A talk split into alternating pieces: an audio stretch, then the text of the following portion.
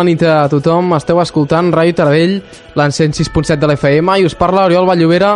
Ens tornem a trobar un dijous més de 11 a 12 del vespre aquí a Obrint la Ment, com sempre doncs acostant la consciència, l'espiritualitat i les teràpies alternatives. En el programa doncs, eh, que vam començar aquell octubre i ja llavors ja gairebé en els seus inicis, en els seus principis, en teníem un dependent de tema era el tema de les pel·lícules i de les que aquestes tenen relació amb tots els temes que aquí molt sovint toquem, tots aquests temes més espirituals.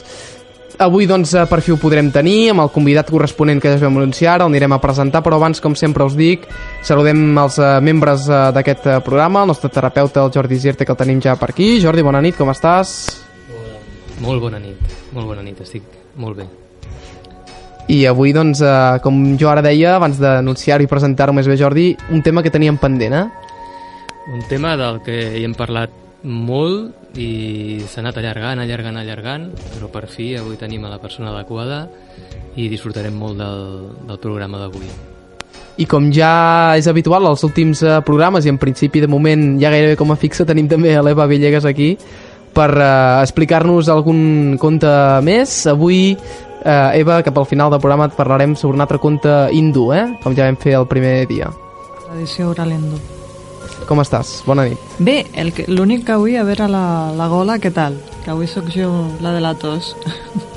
Esperem que ens respecti. Sí. I ara sí que hauríem ja d'anar desvelant dubtes i eh, saludar el convidat eh, d'avui, és que, doncs, eh, com ja havíem anunciat quan parlàvem del programa de les pel·lícules que vindria algú, ha vingut avui i ens acompanya aquí el David Campos, persona que, tot i que eh, ell em comentava, vinculat ja no ho ha estat a nivell professional al món del cinema, ho ha estat i ara més aviat doncs, eh, ho està el de la fotografia, que d'alguna manera van, van lligats, una cosa que al Jordi també la fotografia li agrada molt, suposo que en deuen parlar sovint.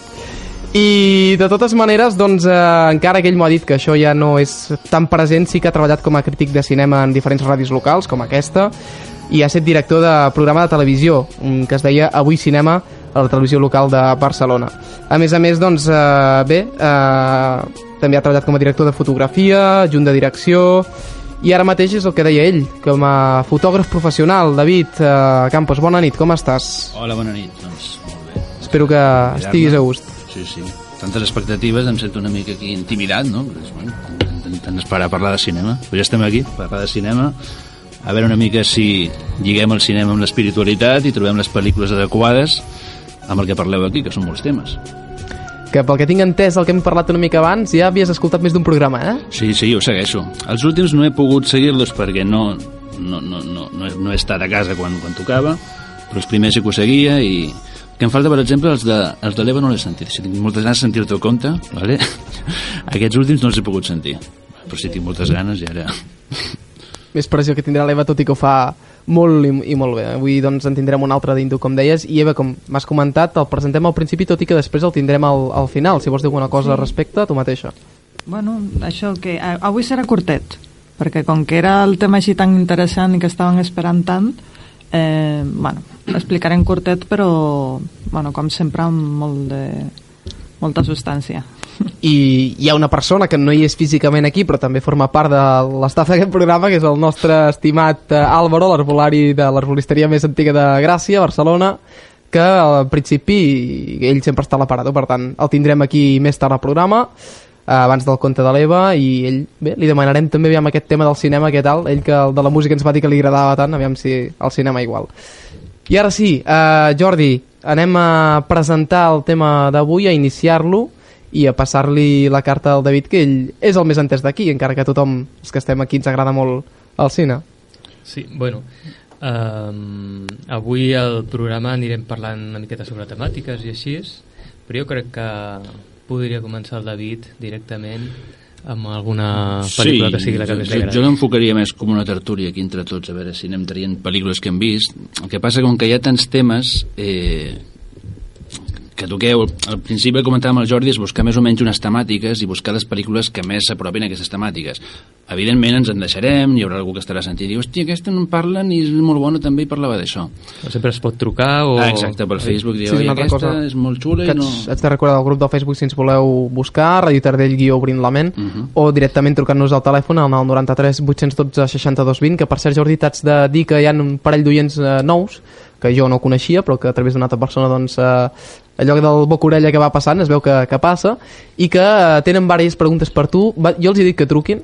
Mm, els he dit aquestes persones que truquin si volen qualsevol cosa encara que estigui relacionada amb temes anteriors d'altres programes o el que sigui però estem disposats, no Jordi, a comentar qualsevol dubte? I tant.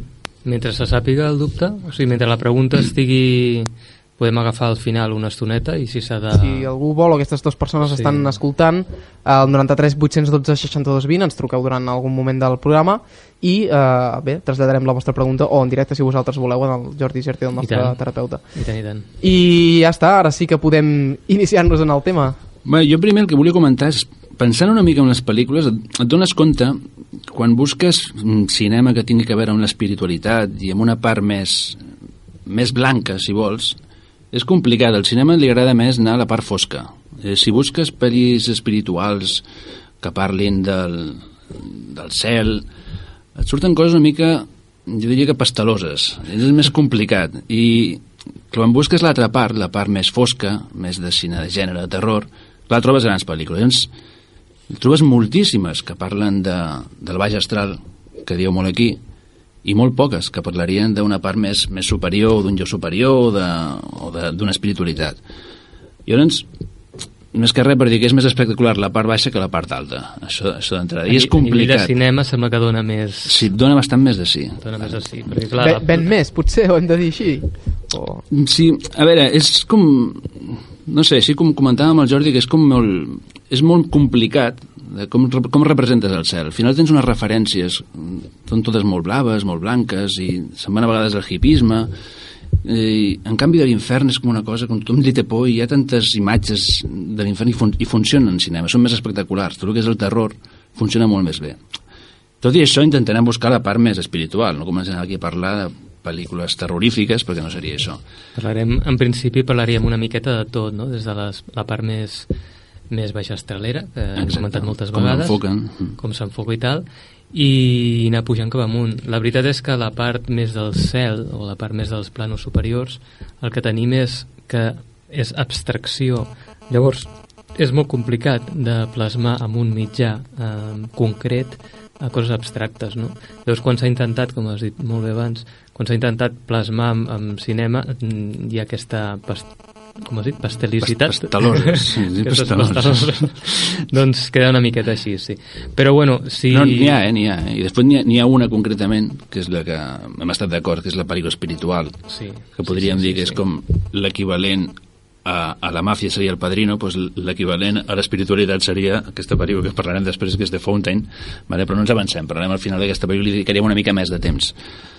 Llavors, jo en principi eh, podríem parlar d'una temàtica que és el, la del terapeuta o del psíquic, com, com es parla del psíquic al cinema. I, llavors jo pensant, hi ha una pel·lícula que a mi m'agrada molt, tu Jordi potser no t'agrada tant perquè esperaves un altre tipus de pel·lícula, perquè té un títol que és més allà de la vida, i tu esperaves trobar-te una cosa que és més allà de la vida, i no té res a veure amb això, perquè la pel·li és d'aquí, no, no, doncs, però és com... És una, és, és una experiència que després em vaig enterar, no? perquè vaig anar amb aquesta idea de dir, on dia? Doncs parlaran de lo que hi ha a l'altra banda. I en realitat l'enfoque no és aquest. No. Suposo que és la manera que vaig tenir de, de percebre-ho, no? El que passa que hi ha una part per mi un interessant, a part que és un bon director, per mi és una bona pel·lícula, este és un Clint Eastwood, és una de les mm, pel·lícules que fa un senyor que ja té una edat, que sap i és conscient que se li està apropant la mort, i va aquest senyor, que és un senyor que tots sabem el seu currículum, que té pel·lis molt bones i va començar fent Harry el Sucio i al final ha acabat fent pel·lis que es consideren obres mestres, i és com aquest senyor adapta i parla d'un psíquic, que és el Matt Damon, si se'n recordeu, Sí. i com parla de tota la complexitat i els problemes que pot tenir un, una persona que, que té contacte amb, amb certs superiors, que té contacte amb entitats, i al principi se'n recorda la pel·lícula, el Matt Damon és un senyor que no vol saber res d'això, No sé si, El que- el recordes. que hem comentat moltes vegades que la gent que és sensitiva doncs, a vegades ho passa molt malament no? Exacte. quan no té informació o quan és atacada per entitats o quan està en un entorn diguem-ne no favorable no? doncs a lo millor no és el de la pel·lícula però hi ha molts nens petits d'això en parlarem en un programa proper eh? amb una convidada que no desvetllaré qui és que parla doncs, dels nens psíquics no? i se dedica a, com a donar classes o a, formar-los, a ensenyar-los que el que estan veient és algo natural. I, I com els pares, moltes vegades, per desconeixement o perquè no ho són, en aquest cas, si ho són no passa res, doncs es pot viure com o una enfermetat o, o d'alguna manera um, bloquejar amb el nen no? i intentar-lo portar-lo cap a un món molt més eh, concret, molt més físic. Clar, ens, ens, aquesta pel·lícula una mica, a part de que cinematogràficament dintre de la història de la, de la carrera de Clint Eastwood, que sempre els seus personatges tenen una coherència, i al final fa gràcia, si ho mires d'un punt de vista cinèfil, que, que converteix el terapeuta quasi en el mateix personatge que era Sin Perdón. Sin Perdón és un pistoler que està fart de matar i se'n va a una granja i no vol matar ningú més. Però les coses el porten al que al final té que anar. No sé si se'n recordeu Sin Perdón, que és un gran western, un dels millors de Clint Eastwood, i al final les, les coses el porten a que té que tornar a, a, a impartir justícia de la forma que ho fa ell. O sigui que I això, aquí estaríem parlant una miqueta del Dharma, no? del, de, de lo que ha vingut a fer la persona. O sigui que si una persona ve a fer una cosa, eh, se'n va perquè diu no, no, jo per aquí no vull anar, però la vida et recondueix... Sí, a- llavors el, el, el psíquic de Màgia de la vida, al principi de la pel·lícula, comença que és que ell està tancat, no vol saber absolutament res, i és, crec que és el seu germà, que clar, que veu que és una font de negoci tremenda, i llavors li porta com gent, però ell ha sigut molt famós, però no pot, no pot suportar-ho. I llavors és com intenta entrar dintre de tindre una, una relació normal amb una persona, de- d'entrar en una en societat, és, és com complicat. I llavors la complexitat del psíquic aquesta és com la dit, el que tu estàs acostumat a veure de psíquics són personatges terrorífics o de xiste, que és el que trobes a les pel·lícules. Mm. O, o senyores baixetes. O senyores baixetes, com a Poltergeist, estava pensant, eh? Exacte. I llavors, clar, trobes un... Dius, què fa el Matt Damon fent de terapeuta? És com dignificar aquesta figura i posar deixar clara que és, una, és un, pot ser un do, però a vegades és molt complicat gestionar-ho. Mm -hmm. Vale? Això ho sabràs tu més que jo. No? vale? És un tema. Aquesta és una de les que parlen. Jo després n'he destacat algunes altres. Eh, a veure, del psíquic, de, del terapeuta, del mèdium, se'n parla de moltes formes al, al cinema. Si, si te'n vas, per exemple, ja a un gènere ja radicalment diferent, et pots trobar inclús superherois que són terapeutes, psíquics, mèdiums. No sé si heu vist una pel·li que es diu Constantin, amb el Keanu Reeves, que l'ha de fer just després de Matrix. I va ser una pel·li que no es va entendre massa, perquè la gent esperava un Matrix, una pel·li que no s'acaba d'entendre què és, però és, és, un, és un psíquic. La pel·lícula adapta un còmic que es diu Hellblazer, que és molt interessant, i bueno, és una pel·li d'acció ben xorra, però que està parlant de- d'un mèdium que està lluitant contra entitats negatives i, i entitats positives, diguéssim. Mm -hmm. La recordes, I, aquesta pel·li? Sí, en els còmics n'hi ha més la part del cel tot això? O, o Jo crec que no, tampoc, eh? Tampoc, no? Perquè la majoria de pel·lícules basades en còmics eh, ja són més d'aquesta vessant, no? Perquè en recordo uns quants, potser. Còmics un altre dia, si voleu en parlem, és, perquè també és un tema complex. De fet, el guionista de, de Hellblazer, que és un senyor que es diu Garth Ennis, és un irlandès que és molt catòlic i, totes, i té... Mm, no és el creador de Hellblazer, que és el, el, el còmic que adapta Constantin, però és un dels que va, va seguir-lo quan el, el, el primer guionista va deixar-ho i, i té molta part de la sèrie és d'ell. I ens ell parla més de la part de lluitar contra dimonis. Que de fet també, també surt una mica la part potser de l'exorcisme, no? En aquesta de Constantin, perquè si no recordo malament comença amb alguna escena... Clar, és clar, el plantejament, de, tipus. el plantejament de Constantin és, és ben curiós. Eh? La, la, la història que s'inventa en la pel·lícula eh, perdó, eh, la història que s'inventa en la pel·lícula és com que, el, que Déu i el dimoni han fet un pacte per veure qui aconsegueix més ànimes. I llavors, l'única condició és que no es pot fer res per gestionar que la gent es porti bé o malament. bueno, no gestionar, o sigui, pots, eh, pots ajudar a que la gent faci coses dolentes, però no pots fer-li fer, ¿vale? I llavors, si, eh, si obligues alguna persona a fer una cosa dolenta és que fas trampes, ¿vale? I llavors aquí el Constantin hi fa un exorcisme i està al mig, perquè és com un mèdium que de nen també es va suïcidar perquè no en tenia el seu, el seu do, i llavors se'n van a l'infern, però just quan està a punt de morir se va tornar de l'infern. Aquest és el personatge, que és, és, un, és com un heroi, és un còmic, ¿vale? I doncs aquesta és la gestió. És clar, que a partir d'aquí hi ha exorcismes, hi ha de tot, perquè planteges el personatge des de tot arreu. I doncs ell lluita contra àngels i contra dimonis, perquè Emili és igual, ell està al mig. És la gràcia. Llavors, això que em preguntava, si en còmic es, es parla del cel, aquest Gardenis parla molt de, de, d'aquesta part catòlica, però és molt, molt destroyer, diguéssim. Vale? Té un còmic molt famós que és Predicador, que parla d'àngels, Jesucrist, surten tots. Però et pots imaginar. M'està dient el Jordi que parlo més que ell i veig que s'està posant nerviós. Jordi, No, molt bé, és que ja, ja entens molt més que jo de pel·lícules. Que m'estava fent, el- fent el guinyo de... Ell sol ens fa el que programa, calli, tio. que calli!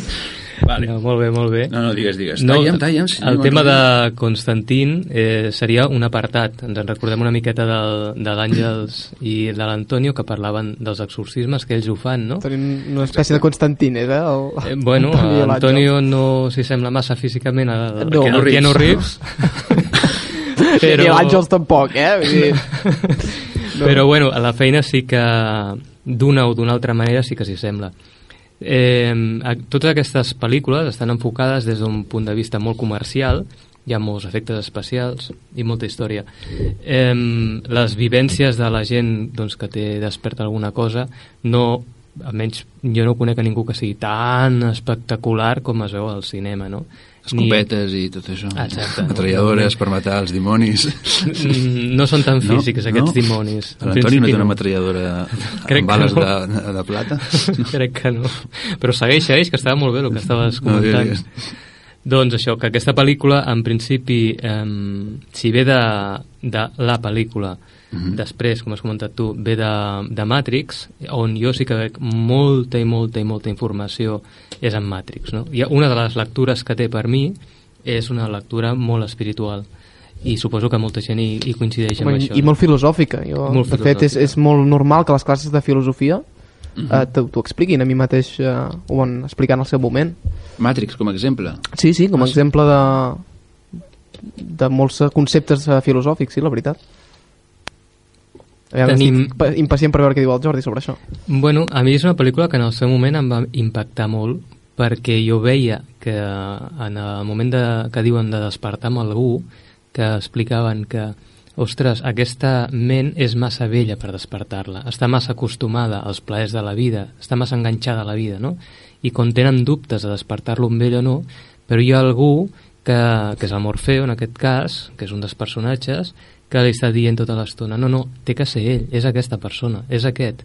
I d'alguna manera hi ha un procés iniciàtic, si recordeu que és quan, quan la, la noia, no recordo el nom, la Trinity, Trinity. la Trinity, doncs, eh, representa la Trinitat. Eh? O sigui, aquí tenim un, un, el primer concepte. És la, és la dona, però a més a més és la Trinitat. Ell es diu Neo, Neo és el, el nou nascut, no? el que neix. Per tant, és el que neix a l'altra banda. Això és un procés iniciàtic del que s'està parlant. I quan li diuen sigui el conejito blanco, eh, en el bon sentit, doncs està parlant de, de tota aquesta pel·lícula d'Alicia en el País de les Meravilles, on surt un conill també que és de color blanc, i que en realitat el conill simbolitza la innocència que entra a dintre d'un país que és el cel, que és el país de, de, de la pel·lícula aquella, no? I ell té que seguir, o sigui, hi ha referència també en, en, aquesta, en aquest símbol. Té que seguir a Morfeo, que Morfeo és el somni, és l'altre cantó, per dir-ho així, és el, el pont, i té que passar una prova, una prova de fe, que és quan li diuen tens que, recordo que tens que sortir a fora al balcó o, tens, o, o segueix-me a través d'un telèfon, no? La realitat seria doncs, una comunicació eh, mental, una comunicació eh, des de psíquica, sí, um, telepàtica, exacte.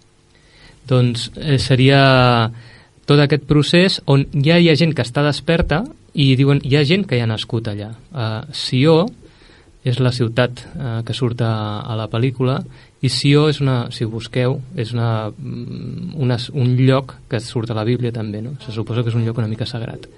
Doncs tota aquesta gent han nascut allà seria les persones que han nascut a l'altre cantó i, o que ja estan vivint, que no necessiten del cos físic i ells eh, necessiten de despertar d'una irrealitat o de despertar d'un somni, que és Matrix. Matrix és la matriu, però alhora també és la mare i alhora també és la matèria, perquè l'arrel la, és la mateixa. Llavors, despertar de la matèria. Recordem que, al igual que la història de Jesús, perquè jo el veig molt paral·lelisme, surt el, el dolent, que és l'interruptor o no sé què, no, o un altre d'ells, el, el que fa de dolent, um, no recordo ara. No recordo com es diu. El, que, el Ben amb Els Ben. Men in Black, aquells que sortien, no. No, no, no, aquests són els senyors Smith, que també és Exacte, curiós que el, Smith, són li Smith. posa un, un nom genèric a totes les pel·lícules americanes, mm, doncs tothom es diu Smith, no? no hi ha ningú que sigui Smith. Però alhora tots aquests Smiths estan junts, que vol dir que és la col·lectivitat, sigui, tots els que pertanyem a la col·lectivitat de la inconsciència estem treballant per la matèria i llavors la gent és capaç de vendre's, no? O sigui, la representació que passa a l'Smith d'un a l'altre, recordo que hi ha dos o tres escenes que es transforma una persona de carrer en, en un Smith d'aquests, doncs significa això, no? que la gent és capaç de vendre's quan té por. I, quan el està- funcionament del pensament, no? Sí, un, pensament, un funcionament Un pensament reiteratiu que t'atrapa, que, que mm, es trasllada ràpidament i, i, bueno, i que també posseix a les persones. Sí, la por, bàsicament és, és, crec que és el que estan dient, no? I despertar de la por, despertar, fer consciència pot ser que la persona no ho suporti. Per això es fa aquesta referència a dir, realment vols la veritat? Quan venien cap aquí estàvem parlant de lo de la pastilla azul i la pastilla roja, no? Que... Eh, Jo, jo és que no me'n recordo si eren, si eren blaves i vermelles. Em sona molt a Barça, si eren blaves i vermelles. I no sé quina era la bona, si la blava o la vermella. Però sí, és... De fet, de fet, em deies que Matrix, te- la, comentava l'Oriol, que la utilitzen com a, com a explicació de pel·lícula filosòfica. N'hi ha una altra, o sigui, hi ha moltes pel·lícules que enfoquen l'espiritualitat d'una forma directa, que és com parlar allà de la vida o, o, o si parles d'exorcisme hi ha l'exorcista. Després n'hi ha altres com aquesta, Matrix, que funciona de forma més metafòrica, vale? que és que parlen... És una pel·lícula diguéssim, aparentment de ciència-ficció, però està parlant de tot això, des d'un altre lloc. D'aquí també en trobes. N'hi ha una altra que també és una pel·lícula de ciència-ficció, que estaria genèricament en- feta com si fos una pel·lícula de sèrie negra, amb un detectiu que té un problema i que ha de descobrir uns assassinats, i és una pel·li de ciència-ficció, però després també ha fet un salt a pel·li filosòfica, que és la que és... Potser abans de Matrix havia una altra pel·li que és la que explicaven les escoles com a exemple de filosofia, que és Blade Runner, que és també on s'explica tot el que és mm, enfrontar la mort, decidir que mm, si has creat alguna cosa tan maca, per què l'has de matar? Quin dret tens tu a matar? Com t'enfrontes a, a Déu, que és el teu creador, per dir per què m'has de matar? De fet, al final, que hi ha, quan ja la pel·lícula deixa de ser una història de gènere on hi ha un detectiu que té que descobrir uns assassins i els replicants et dones compte que són éssers que, com diu que hi he vist tantes coses maques i ara m'has de matar? Qui ets tu per fer això? És tan injust que és molt bonic i és també una forma metafòrica, no? Sí, eh, voldria acabar amb el tema de Matrix perquè mm, n'hi ha tres parts, però la, la part per mi que està tancada és la primera, però n'hi ha coses en la segona i en la tercera que és interessant. Doncs aquí tenim el, la figura del psíquic, que seria la senyora aquella que fa les galetes, que li diu... És veritat, senyor. És, és la... Ara no recordarem els noms. És la... La Maria, Eh, les, galletes Maria. L'oràculo, oràculo. L'oràculo. és el Di Maria i ja... és l'oràculo, sí. L'oràculo Maria. Doncs eh, aquí tindríem la persona que està connectant dos mons, no? I que realment té coneixements. Mhm. Tenim també el, el, la contrapart d'aquesta dona, que és el l'enginyer, L'arquitecte. a l'arquitecto, exacte, que seria com la raó, no? la ment, la ment que destrueix perquè necessita controlar-ho absolutament tot. I tindríem la, la, la capacitat aquesta de desplaçar-se al món físic i de desplaçar-se al món imaginari, dintre de Matrix, però que no és imaginari. Aquí tindríem al revés, serien les persones que poden anar als planos superiors i des d'allà ajudar a la gent que, doncs, que tenen algun problema o que tenen alguna cosa, eh, moltes vegades això es fa a les nits i així. Llavors, tot la, el, el tractat de Matrix, el que ens per mi, el que, el que estava veient és el, el fet de despertar, el fet d'atrevir-se a despertar, el fet de trencar les rutines, el fet de sortir del, del, de l'enganxe de, de sempre, no? I el fet de decidir, la pastilla, que és el que estàvem dient abans, és un símbol de decisió. Realment vull saber la veritat? M'agradarà aquesta veritat? La decisió és vull saber la veritat perquè penso que m'agradarà o vull saber la veritat per la veritat mateixa? M'agradi o no? I bueno, eh, passen 50.000 històries perquè la pel·lícula fa molt que ja, que ja s'ha fet i possiblement tothom l'ha vista però després tenim un altre personatge que apareix, no recordo si la 2 o la 3, que és el Merovingio, tota aquesta que representa el que és l'infern i, i seria com un dimoni, no? que és el, el senyor de la matèria. Ell ha construït programes que són, són programes per, per perdre dintre de la matèria i de les sensacions, no? I ells poden baixar aquí dintre, però en canvi no tenen poders sobre aquí dintre. O sigui, d'alguna manera és com dir les entitats superiors poden eh, a baixar a, a dintre de, de la, dels planos més baixos però no tenen, diguem-ne, com poders sobre... O sigui, és, és el seu món. Llavors, mm, a la segona part i a la tercera part només hi ha un moment que quan estan a dintre la nau surten cap al cel. La nau es desplaça i es veu el sol. El sol és el símbol del pare. No? I després tornen a entrar... Això és la tercera part. O la tercera Hosti, part, sí. part, part. Vale. I a més a més, al final de tot, eh, si recordem, ell té que donar la vida per salvar-los a tots. I a més a més, la noia que el segueix mor abans, mor abans d'arribar al final, perquè és la, la part, eh, la, la dona pot ser com a representació la part femenina, però també pot ser l'ànima, i l'ànima o, la, o també podria ser la personalitat. La personalitat no pot arribar on arriba el Déu superior, que és qui representa el Neo. I aquest Neo té que arribar... Això és justament el que et volia preguntar després. Exacte. Doncs el Neo té que arribar a donar la seva vida i reintegrar el seu cos a dintre de les màquines, que és el que el I, desintegren. I aquest és una mica el concepte filosòfic que jo recordo m'explicaven en és, aquest és sentit. el concepte de Crist i de, i de Buda, és el mateix. Jo dono la vida per vosaltres perquè tingueu pau. O sigui, ell fa un tracte amb la matèria per dir tindreu una altra oportunitat per seguir endavant i per seguir aprenent i descodificar-vos o alliberar-vos d'això. És el mateix que diu Crist, no? Eh, jo dono una ensenyança però tinc que marxar perquè ja he superat aquesta etapa o aquesta prova. En principi, eh, potser és una, una part més, més, més llarga de lo que és Matrix, però crec que és la part més profunda i més, més maca, fins i tot, no? I en quant a, a Blade Runner, que comentava el David abans, doncs jo no l'havia vist mai com a una pel·lícula de, de policies i... Sí. És, és, és curiós, no? Va, de, fet, de fet, és una pel·lícula quan... Hi ha, dos, hi ha dues versions d'aquesta pel·lícula. Hi, hi ha com una cosa que es diu el Director's Cut, que és sí. com una cosa que moltes vegades s'ha fet una trampeta aquí, que és el Director's Cut, que és simplement una forma de- de- d'una pel·li que ja s'ha fet, doncs tornar-la a estrenar amb l'excusa de que el director ha posat unes escenes més. Sí, jo crec que hi ha una versió que està amb, amb veu en off i una que està sense Exacte. veu en off i una que surten aquells... Eh, Els unicornis. Els unicornis i l'altra que no. O sigui, la primera part la que es va estrenar eh, hi ha una veu en off. O sigui, en cinema, quan poses una veu en off, o sigui, una Guia mica... molt. Et guia, et guia molt, no? Sí, et guia molt i és, és molt de gènere negre. Si us en recordeu les pel·lis de, de, de detectius, sempre hi ha una veu en off, és molt típic. I llavors, Deckard és un policia. Quan tu és, un, és, és, un, és un gènere negre clàssic d'un- d'uns assassinats i un policia que els ha de descobrir. I llavors, clar, la gracieta, que més està adaptant un llibre, que es diu eh, Sueñan, somien els androides amb ovelles mecàniques. Clar, la gràcia d'aquest títol és que el mateix Deckard, que és el protagonista, és un, pot ser un replicant. Clar, tu quan li poses una veu en off, això, totalment perd el sentit. M'explico, clar.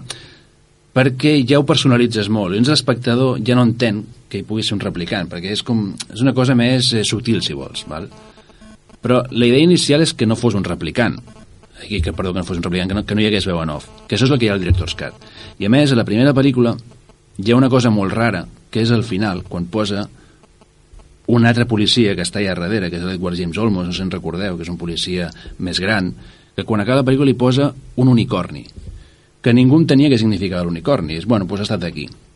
No sé si en recordeu del final de Blade Runner, que va el policia i deixa un unicorni de paper Sí, com fer Vale. constància de que De sap que- que la noia... No, de què ha estat allà? Sí, Vale. i no li ha fet res a la noia, sabent que és una replicant, o una pellejuda, com diuen a la... Una pellejuda, Ah, exacte. Però clar, al segon, el Director's Cut no queda clar si el somni és el mateix Deckard. Llavors, clar, podia ser que el Deckard fos un replicant, perquè quan comença la pel·li- el, el llibre que està adaptant, la primera escena, jo, jo vaig llegir el llibre i tots els policies són replicants, però no ho saben. Aquí està la gràcia. Doncs en la pel·lícula no es deixa entendre Ah, això. clar. I, I, de fet, la veu nova es va imposar per la productora. I després hi ha una història que això és més de, de cinèfil. Al final de Blade Runner, l'última escena, perquè Blade Runner és molt fosca, i quan acaba la versió que dius tu, que no hi ha veu en off, quan acaba la pel·lícula, acaba que ells marxen i s'acaba, i s'acaba ben fosca, Mm. vale? que és el que és la pel·lícula, és ben fosca. D'estètica. Sí, vale? l'estètica és Sí. la, la pressió que està Però, associada. sí, però si us en recordeu de la primera, quan acaba, ell se suposa que està en un helicòpter volant i hi ha com, unes, com, un, com uns planos aeris d'un Sí, camp. sí. Aquests planos són d'una altra pel·lícula, que és de El Resplendor. És a dir, la productora tenia els planos aquells i va dir, pues posa això perquè la gent surti una mica feliç. Clar, per mi el director's cut és el que li dona sentit, perquè es veu el somni, que a la primera no es veu que hi hagi cap somni, tampoc, no, per tant no s'entén que hi hagi un unicorni. Llavors és, és molt més complexa. És enfrontar la mort des d'una persona que també és un replicant, que està matant replicants, és, és molt més complex i, i connecta molt més amb tot això que, que estem dient d'espiritualitat i de filosofia que s'emmarca. No? El que em va impactar va ser el, el Roger Hauer, que no, és un dels replicants, no recordo el nom, és un Nexus no sé què, que... que Sí, és gran, sí, sí, sí, és doncs, boníssima, jo, sí. que ell vol matar amb el policia i de fet està buscant el que has dit tu, no? Per què em dones una vida finita? No? I està buscant qui l'ha construït. El constructor, que està en una gran piràmide, eh, en una ciutat que hi ha un, un edifici que és una gran piràmide, que es té que accedir per uns llocs així una mica difícils, doncs el constructor, que ell el considera el seu pare, seria com si nosaltres consideréssim a Déu, no? és el creador, és el que ha fet el seu cervell i el que li ha donat la consciència d'alguna manera. Doncs va matar-lo, perquè li està dient, i per què, nassos, em fas finit? No? Yo que he visto naves volar más allá Sí, de, eso de es la puerta otra de escena, ¿no? Tannhauser Sí, sí. y explotar cerca de no sé qué de Orión. He visto Ya. rayos gamas atravesar la puerta de Orión. Sí, exacto. Y todos estos momentos se perderán de Triunfo, en la lluvia como momentos, en el- Ah, co- correcte. como lágrimas en el tiempo. Doncs lo interessant d'aquesta pel·lícula, una cosa molt, molt, molt, molt lograda, és la conjunció de la música. La música, la música està feta per, per Vangelis, Vangelis. i utilitza, com vam parlar l'altre dia de música, doncs utilitza uns aparells analògics eh, que tota la gent que som de la música i tal, doncs, hòstia, és, eh, un CC80 és un, un aparell És un molt Ferrari, mític. seria. Seria Ferrari de la És una música. cosa que no existeix, que en el seu moment valia un milió de pessetes i que no s'ha tornat a poder fer mai un aparell que sonés tan especial. I són totes, tota la gent que és seguidora d'Evangelis doncs, reconeix en seguida aquest tipus de, de so, no? que també li dona una, una personalitat molt curiosa a la pel·lícula, molt especial, molt, molt mística per un cantó, la foscor, la, la pluja, eh, tota la gent així com molt apretada, que és el que estem vivint, començant a viure ara, no? O, o, i, i, I sempre aquesta, aquesta nit, quasi mai, com ha dit abans el David, quasi mai surt de dia, excepte en l'últim moment, l'últim moment de tots. Doncs per mi la, la pel·lícula és si realment el, el ser humà crea alguna cosa, si, si el fet de crear alguna cosa se li pot infundar vida o autoconsciència no? en, aquesta, en aquests sers, eh, en principi eh, màquines des de nosaltres. Sí? Bueno, doncs jo canviaria ara de tema un momentet eh? i ficaria una benvinguda eh, amb algú. De... Doncs sí, tenim ja el telèfon a punt i esperant el nostre estimat eh, Álvaro, que avui ens parlarà d'un tema que ja el reenganxarem una mica amb un de la setmana passada. Álvaro, bona nit, com estàs? Sí, hola, bona nit. Tot, tot bé? Sí, molt bé. Doncs bé, avui ja t'hem dit, eh, ja hem parlat abans de que ni que reenganxarem el tema aquell del restrenyiment i tot això i parlarem també sobre eh, indigestions o coses que ens poden anar bé doncs, per, eh, per arreglar això, eh? Sí.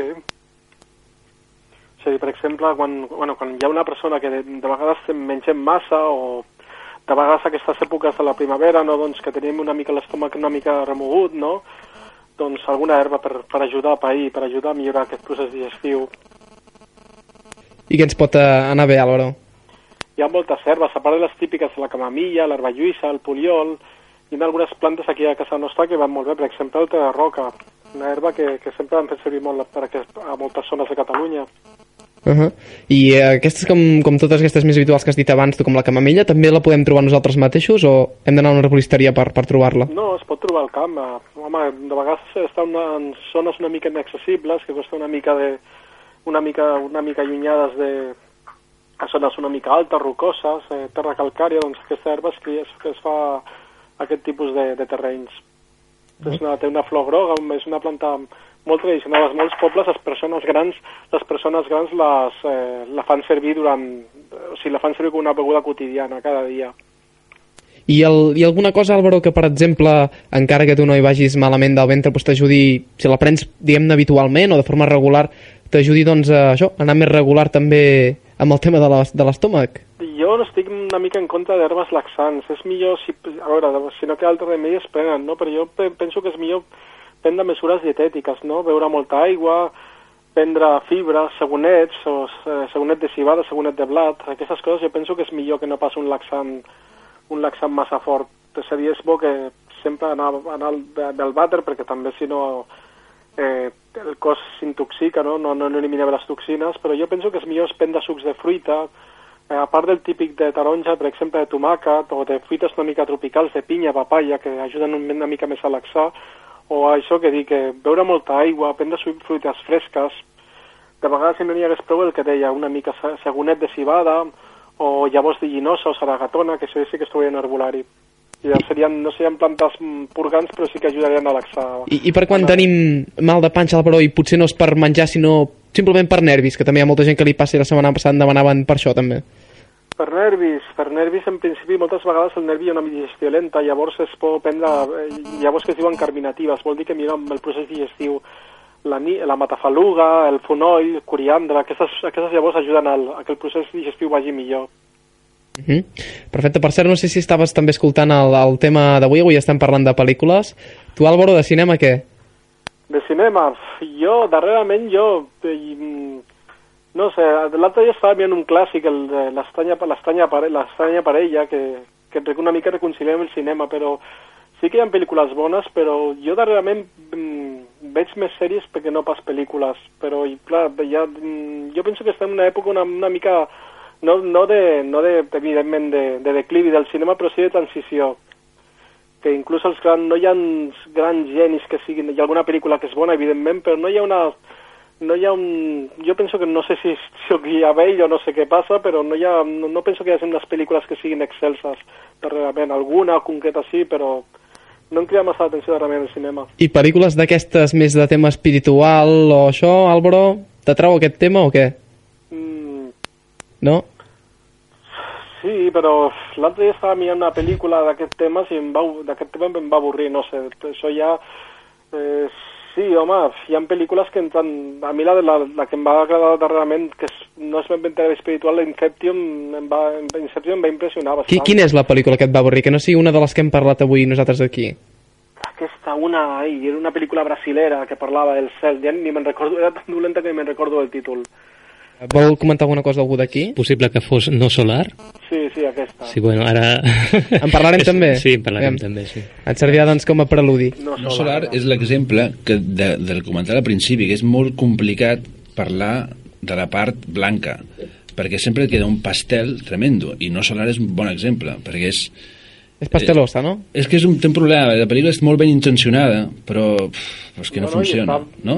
Tècnicament està ben feta i està bastant Sí, ben però agafa aquesta estètica neo-hippie, neo, que, que és una mica... que a mi em Sí, rasca, guai, saps? Sí, no, a mi no m'agrada. No que no, saps? Mm, Però, clar, això que tot, tot el seu públic, eh? Sí, però, gent per tot. sí, però és això, però no és, no és una pel·li massa coneguda, no? Sí, sí. perquè, li, perquè costa, perquè és, és més, més fàcil i si et fixes a la pel·li, mi, per exemple, em funciona millor quan està quan el personatge se'n va a l'infern que no quan se'n va a la part celestial, diguéssim. No, no, és que jo, va, jo vaig aguantar poc. Eh? No, no va acabar No l'Àlvaro. vas arribar al cel, no? Mira, eh, Has anat- Álvaro, una, una última pregunta, perquè mira, també ens hauria de preludi, de preludi això, perdoneu, que ara també anirem a parlar d'algunes pel·lícules potser d'un cantonament més fosquet o de cases encantades o coses d'aquestes. Tu què, per a l'arbolisteria alguna- has vist mai alguna cosa sorprenent o difícil d'explicar o no? Difícil d'explicar. Coincidències, que, coincidències rares, o sigui, coincidències coincidències, o sigui, coses, mm, coses que mm, de vegades demanar una herba que no es demana mai tothom de cop sense venir a cuento de vegades, o trobar-me una persona que està, pensant, que, que està pensant en un problema, o de, mm, sí, no sé, sí que hi ha vegades hi ha coincidències. Coincidències una mica estranyes, no? Com? Coincidències una mica estranyes. Sí, sí, sí, la, sí, això que diu de la sincronicitat, que les coses han de passar el moment que han de passar. Uh -huh. Una cosa que en Jordi ha dit moltes vegades aquí també, eh? Això passa, això... Doncs bé, Álvaro, uh, una setmana més, moltíssimes gràcies i si tot va bé, el dijous que ve hi tornem a estar aquí. D'acord, perfecte. Doncs que passis bona nit i una abraçada. Gràcies. Deixem doncs a l'Àlvaro i tornarem una mica al tema de les pel·lícules que avui se'ns fa tard i a més a més encara queda compte. Sí, i, i una altra coseta que, que s'haurà d'explicar. Doncs jo seguiria amb una pel·lícula només repassant-la per, repassant per sobre, que és Avatar, que és una pel·lícula com de ciència-ficció, que depèn de com la mirem, és una pel·lícula també de l'estil nyonya, i depèn de com la mirem és un estil, una cosa molt profunda el que està explicant, no? O sigui, està explicant com l'ànima entra dintre d'un cos i s'identifica amb aquest cos. Jo crec que és el més profund que té la pel·lícula, no? la capacitat d'aquell senyor que en principi és, eh, té una discapacitat i com mm, se li dona un cos en un altre lloc, simbòlicament, no? que podria ser com l'ànima entra dintre de, de, del nostre cos emocional o mental o físic i arriba a identificar-se amb allò, fins al punt de... Enamorar-se, per exemple. Eh, Sí, eh, a punt de, però l'important és la identificació que té aquest, aquest ser i quan es treballa es, eh, les escenes que els habitants d'aquell planeta doncs la comunicació que tenen i la unitat que tenen amb la Terra i amb la vida i amb aquell arbre famós que surt al final com la deïtat està a tot arreu no? i sense més explicacions a la pel·lícula Avatar entraria en un conte que explicarà la Eva que precisament va d'això El gurú i el deixeble estaven conversant sobre qüestions místiques. El mestre va concloure l'entrevista dient-li Tot el que existeix és Déu. El deixeble no va entendre la veritable naturalesa de les paraules del seu mentor. Va sortir de la casa i va començar a caminar per un carreró. De sobte, va veure enfront d'ell un elefant que venia en direcció contrària, ocupant tot el carrer. El jovenet que conduïa l'animal va cridar avisant «Eh, escolti, apartis, deixi'ns passar!» Però el deixeble immutable es va dir «Jo sóc Déu i l'elefant és Déu, així que com pot tenir por Déu d'ell mateix?» Raonant d'aquesta manera, va evitar apartar-se. L'elefant va arribar fins a ell, ho va agarrar amb la trompa i ho va llançar a la teulada d'una casa, trencant-li diversos ossos. Setmanes després, reposat de les seves ferides, el deixeble va acudir al mentor i es va lamentar del succeït. El gurú va replicar D'acord, tu ets Déu i l'elefant és Déu, però Déu, en la forma del noi que conduïa l'elefant, et va avisar perquè deixessis el pas lliure. Per què no vas fer cas de l'advertiment de Déu? Doncs sí que era curtet però intens com sempre habitualment, eh? Gràcies, Eva, una setmana més. I ara, si us sembla, seguim amb alguna seguim. pel·lícula més una mica més de 10 minuts per acabar. I abans d'acabar també m'haureu de deixar un moment perquè hauré de traslladar una cosa que ens va deixar la Cristina, oient fidel d'aquest programa des dels seus inicis al Facebook, que t'ho traslladaré tu, Jordi, perquè em diguis aviam què hi entens sobre això que ens ha preguntat. Després ho fem. Seguim, seguim. doncs la següent pel·lícula que podríem Sí. comentar seria una pel·lícula Comentem, sí, deixarem... Bueno, parlem si el, el tema el més enllà, també, que és un altre tema complicat, que és el que hem introduït, que és complicat de parlar. El més enllà, eh, la part, diguéssim, més, més celestial. I llavors hi ha una, una pel·lícula que jo des, des, destacaria, que és una pel·li que també una mica... Jo feia temps que l'havia vist, i tu, Jordi, em vas dir, aquesta no estava malament. I vaig dir, uf, aquesta... La vaig repassar. I haig de reconèixer que no està malament. Vale? Però en principi és les que jo pensava que eren molt pasteloses. Vale? I a més aquesta li va que ni, que ni pintat perquè és... El, bueno, explicarem això de ni pintat. per l'actor, no? No, perquè és, és, és una pel·lícula amb el Robin Williams, que és una... que adapta un conte del Richard Mason, que és l'escriptor de, Soy, de Soy Leyenda. Bueno, eh, I el que explica és... Bueno, és una família que de cop i volta té un accident el, els nens eh, se, tenen un accident, després de, es mora es mora la... La Com dona. funciona la dona? Es mora? Es, moren, es mora ell primer, potser? Sí, es mora ell, perdó, sí, sí, sí, sí, sí. es mora ell, vale, primer es moren els nens, llavors la parella intenta eh, superar-ho, però lo que, la dona no ho porta bé. Es moren els tres, es moren Sí, es moren els tres ell- nens i la dona sent molt culpable. Es mora el protagonista, Robin Williams, el, el fill i la filla, Sí, la nena. primer es moren els dos nens i llavors, al sentir-se tan culpable la dona, eh, s'intenta suïcidar, no suïcida, està, i intenten fer la parella. Llavors, quan una mica s'han aconseguit sortir-se'n, resulta que va i té un accident de cotxe el Robin Williams, el marit, Mhm. amb la qual ella es queda ja, pues, pues, pues no vegis. I llavors és quan ell se'n va a la part del més enllà. I llavors és curiós com ho resolen aquí, perquè dius, a veure, com resolem, això que dèiem d'ona solar, que és, com resolem el cel? Doncs túniques a punta pala, eh, tot blau, eh, que dius, uf, segons a quina època funcionava, però ara potser queda una mica antiquat. I llavors aquí fan una bona solució, que és, què és el que més li agradava a la dona? Perquè ell l'estima molt, és la pintura. Llavors ella pintava. Llavors, on va ell, la part que ell, del més enllà, és una part que ell que, que pren que és com si estigués dintre d'un quadre. I llavors ells ho solucionen, que és, bueno, clar, per això deia que és molt pastelosa, perquè al principi el Robin Williams va aixafant el terra i, i és pintura, saps? Diem que seria la part de passar a l'astral, on la matèria astral és molt plàstica, i realment, per mi, està molt resolt, a part del, del, de l'excusa de que la, de la seva dona és pintora, està molt ben resolt perquè les persones que han tingut alguna experiència en aquest altre nivell de consciència realment s'hi sembla molt. I a més hi ha molts més detalls que són molt reals. Sí, vull dir que resolen això perquè és com el cel és, el se'l fa cada un, saps? El que, per exemple, un cel pot estar molt bé que siguin túniques, però un altre, això és, és com un horror, vale? Que per cert, estem parlant de quina pel·lícula, perquè vosaltres dos ho sabeu, però ara em demanàvem per aquí quin, quin hem títol és perquè no ho hem dit. Eh, no hem dit el nom de Más allá de los sueños. Más allá de los sí. sueños.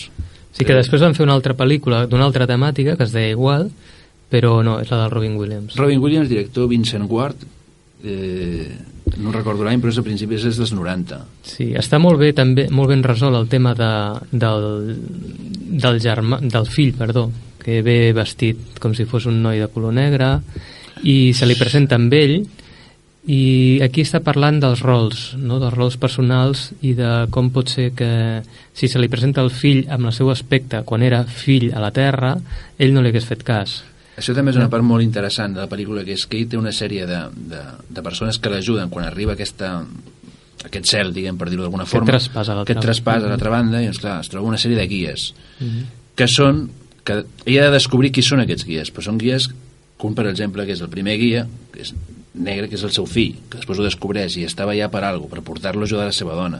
Perquè la història de la pel·lícula, sense desvetllar massa, és que quan ella està mort en aquesta part se'n dona compte de que la seva dona s'està suïcidant i llavors se'n va directe a l'infern i llavors ell el que decideix és anar a l'infern a buscar-la i intentar rescatar-la i comença de que, de que torni val?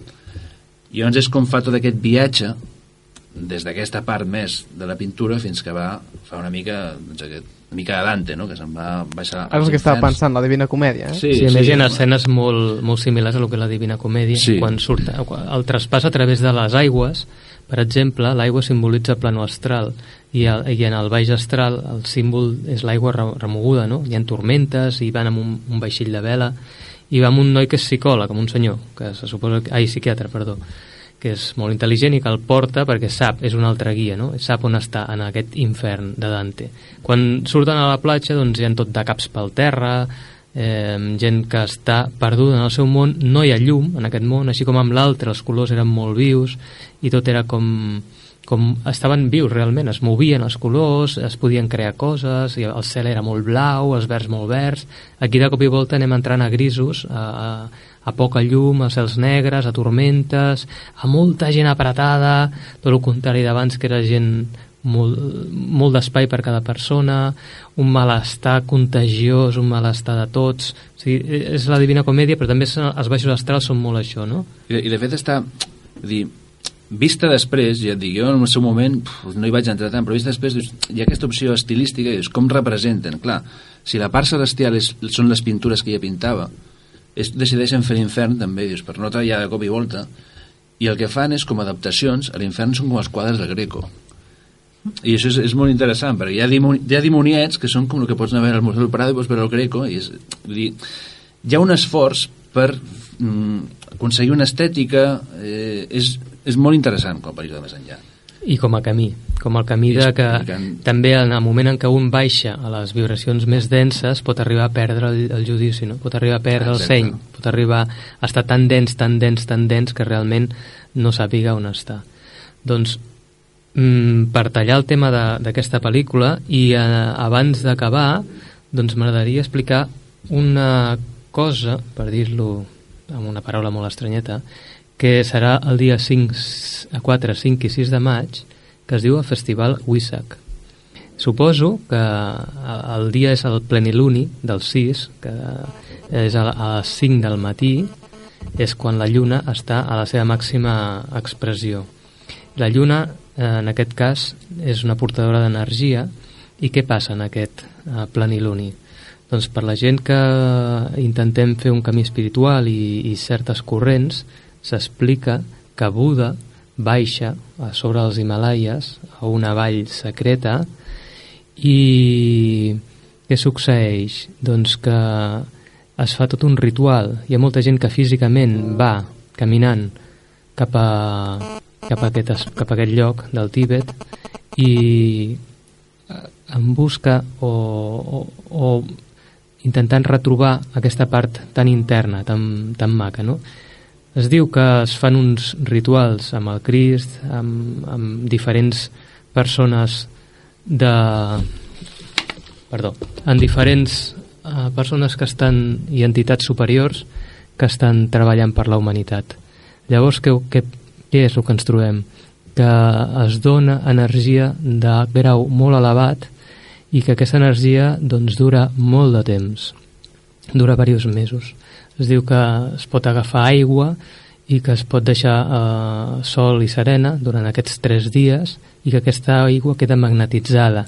Pot ajudar a sanar a les persones, pot ajudar eh, en algun... queda magnetitzada per la vibració del Buda. És evident que quan es diu que Buda baixa, no és que baixa al plano físic, sinó que baixa als planos superiors i que aquest festival eh, o aquesta trobada en el plano físic tan sols és a nivell eh, representatiu, és com algú molt devocional, no?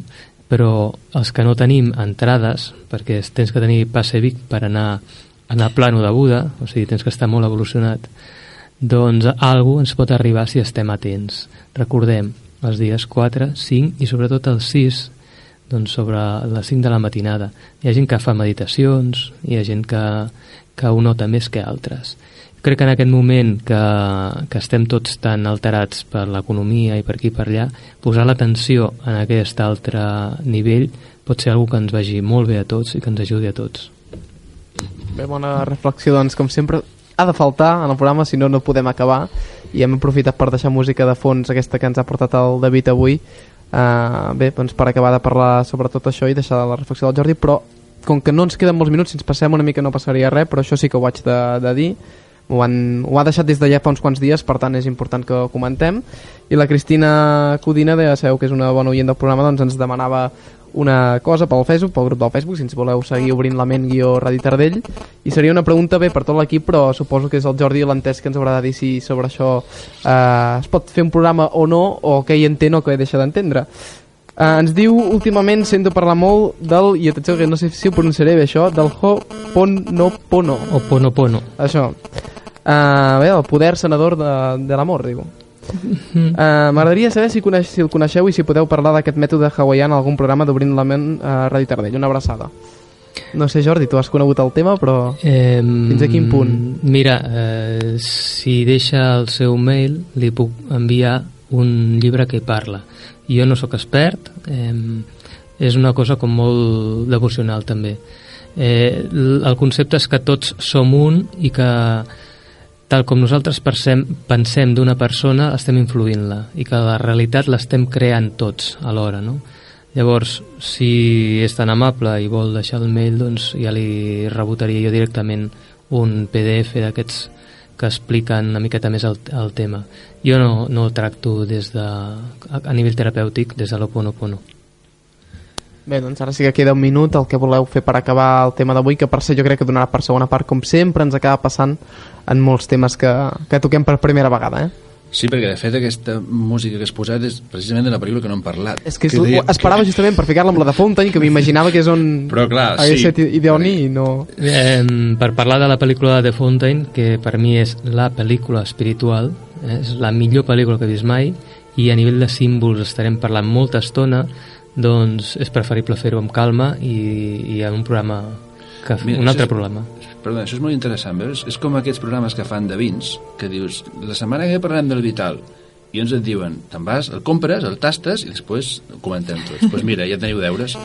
Els oients que vinguin de Fontaine, Ah, exacte. i llavors d'aquí dos o tres programes el Jordi us explicarà el simbolisme, perquè és una pel·lícula que jo puc dir que és molt interessant, però eh, pot ser que s'escapin moltes coses, perquè funciona igual, a mi va funcionar sense... Hi ha una part que directament se'ns escapa a tots els que no tractem directament coses espirituals. Hi ha una part molt bonica que és com afronta la mort la parella protagonista. Després hi ha una part del, del jo superior, tot això, que deixa una mica la gent descol·locada. De fet, les crítiques d'aquesta pel·lícula, jo em vaig estar repassant a veure algunes crítiques i em va fer gràcia Totes dolentes, no? Bueno, a, a, internet permet que tu puguis mirar, per exemple, crítiques de, de, de crítics coneguts i a la banda de, de gent que l'ha vist, que no són crítics i que donen la seva opinió d'espectadors. I hi ha algunes webs que permeten veure pues, la crítica i d'això i l'espectador. I aquesta és una pel·lícula que crítiques trobes a tots els colors, de gent que diu que, que és un engendro, o sigui, textual. Això ho deia el, el crític del País, això ho podeu trobar per internet, el Carlos Bollero, que és un crític molt conegut i que té molts seguidors, la qualifica de un engendro, tal qual. Jo crec que ara la tornes a veure i, i pot ser... Jo, Pots arribar més fàcil. A més, un director molt famós, que és l'Aranovski, que és el director del Cisne Negro, eh, eh, Requiem for a Dream. És un director molt bo, i la pel·lícula és molt bona sense que tracti directament l'espiritualitat, com seria el no solar, per exemple, que igual et funciona a nivell espiritual, però cinematogràficament no funciona. Saps? Però ja I- teniu deures, perdó. Mm, Exacte. I- Jo faria aquest exercici, que és veure la pel·lícula i després quan la comentem explicant tot el simbolisme intern, tot el que n'hi ha dintre la pel·lícula, us canviarà la manera de veure-la. I... Ja estàs donat per fet que el, qualsevol que la miri per primer cop no ho entendrà, no? N- és, a veure, és una pel·lícula que jo vaig anar amb una altra persona al cinema jo vaig sortir plorant d'emoció de lo que em va arribar a agradar i l'altra persona a mitja pel·lícula se'n va anar O sigui, és que és tal qual, és el que et diré. A veure, és una, és una pel·li que realment mm, jo quan la vaig veure la vaig plantejar. Hi ha una part que sí que et toca i que arribes molt directament, que és com ells afronten la mort com ella l'afronta molt bé i ell no vol afrontar-la, que és un metge que ella té càncer i diu, m'és igual que jo lluitaré i descobriré el... i diu, no, no, ella accepta la mort això no, arriba no, no desvetllem massa Bueno, perquè això és- lo important seria que la gent la mirés I i, que després reflexionem.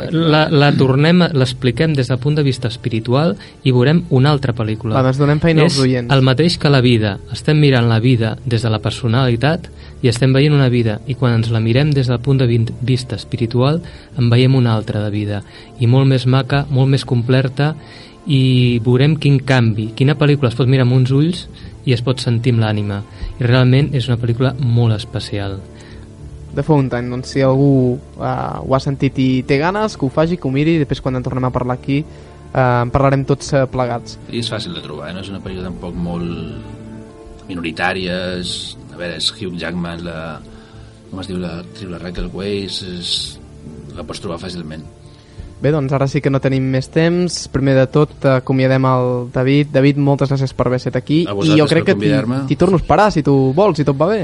Res, jo portava 50 pel·lícules, només hem parlat de 3. O sigui, per...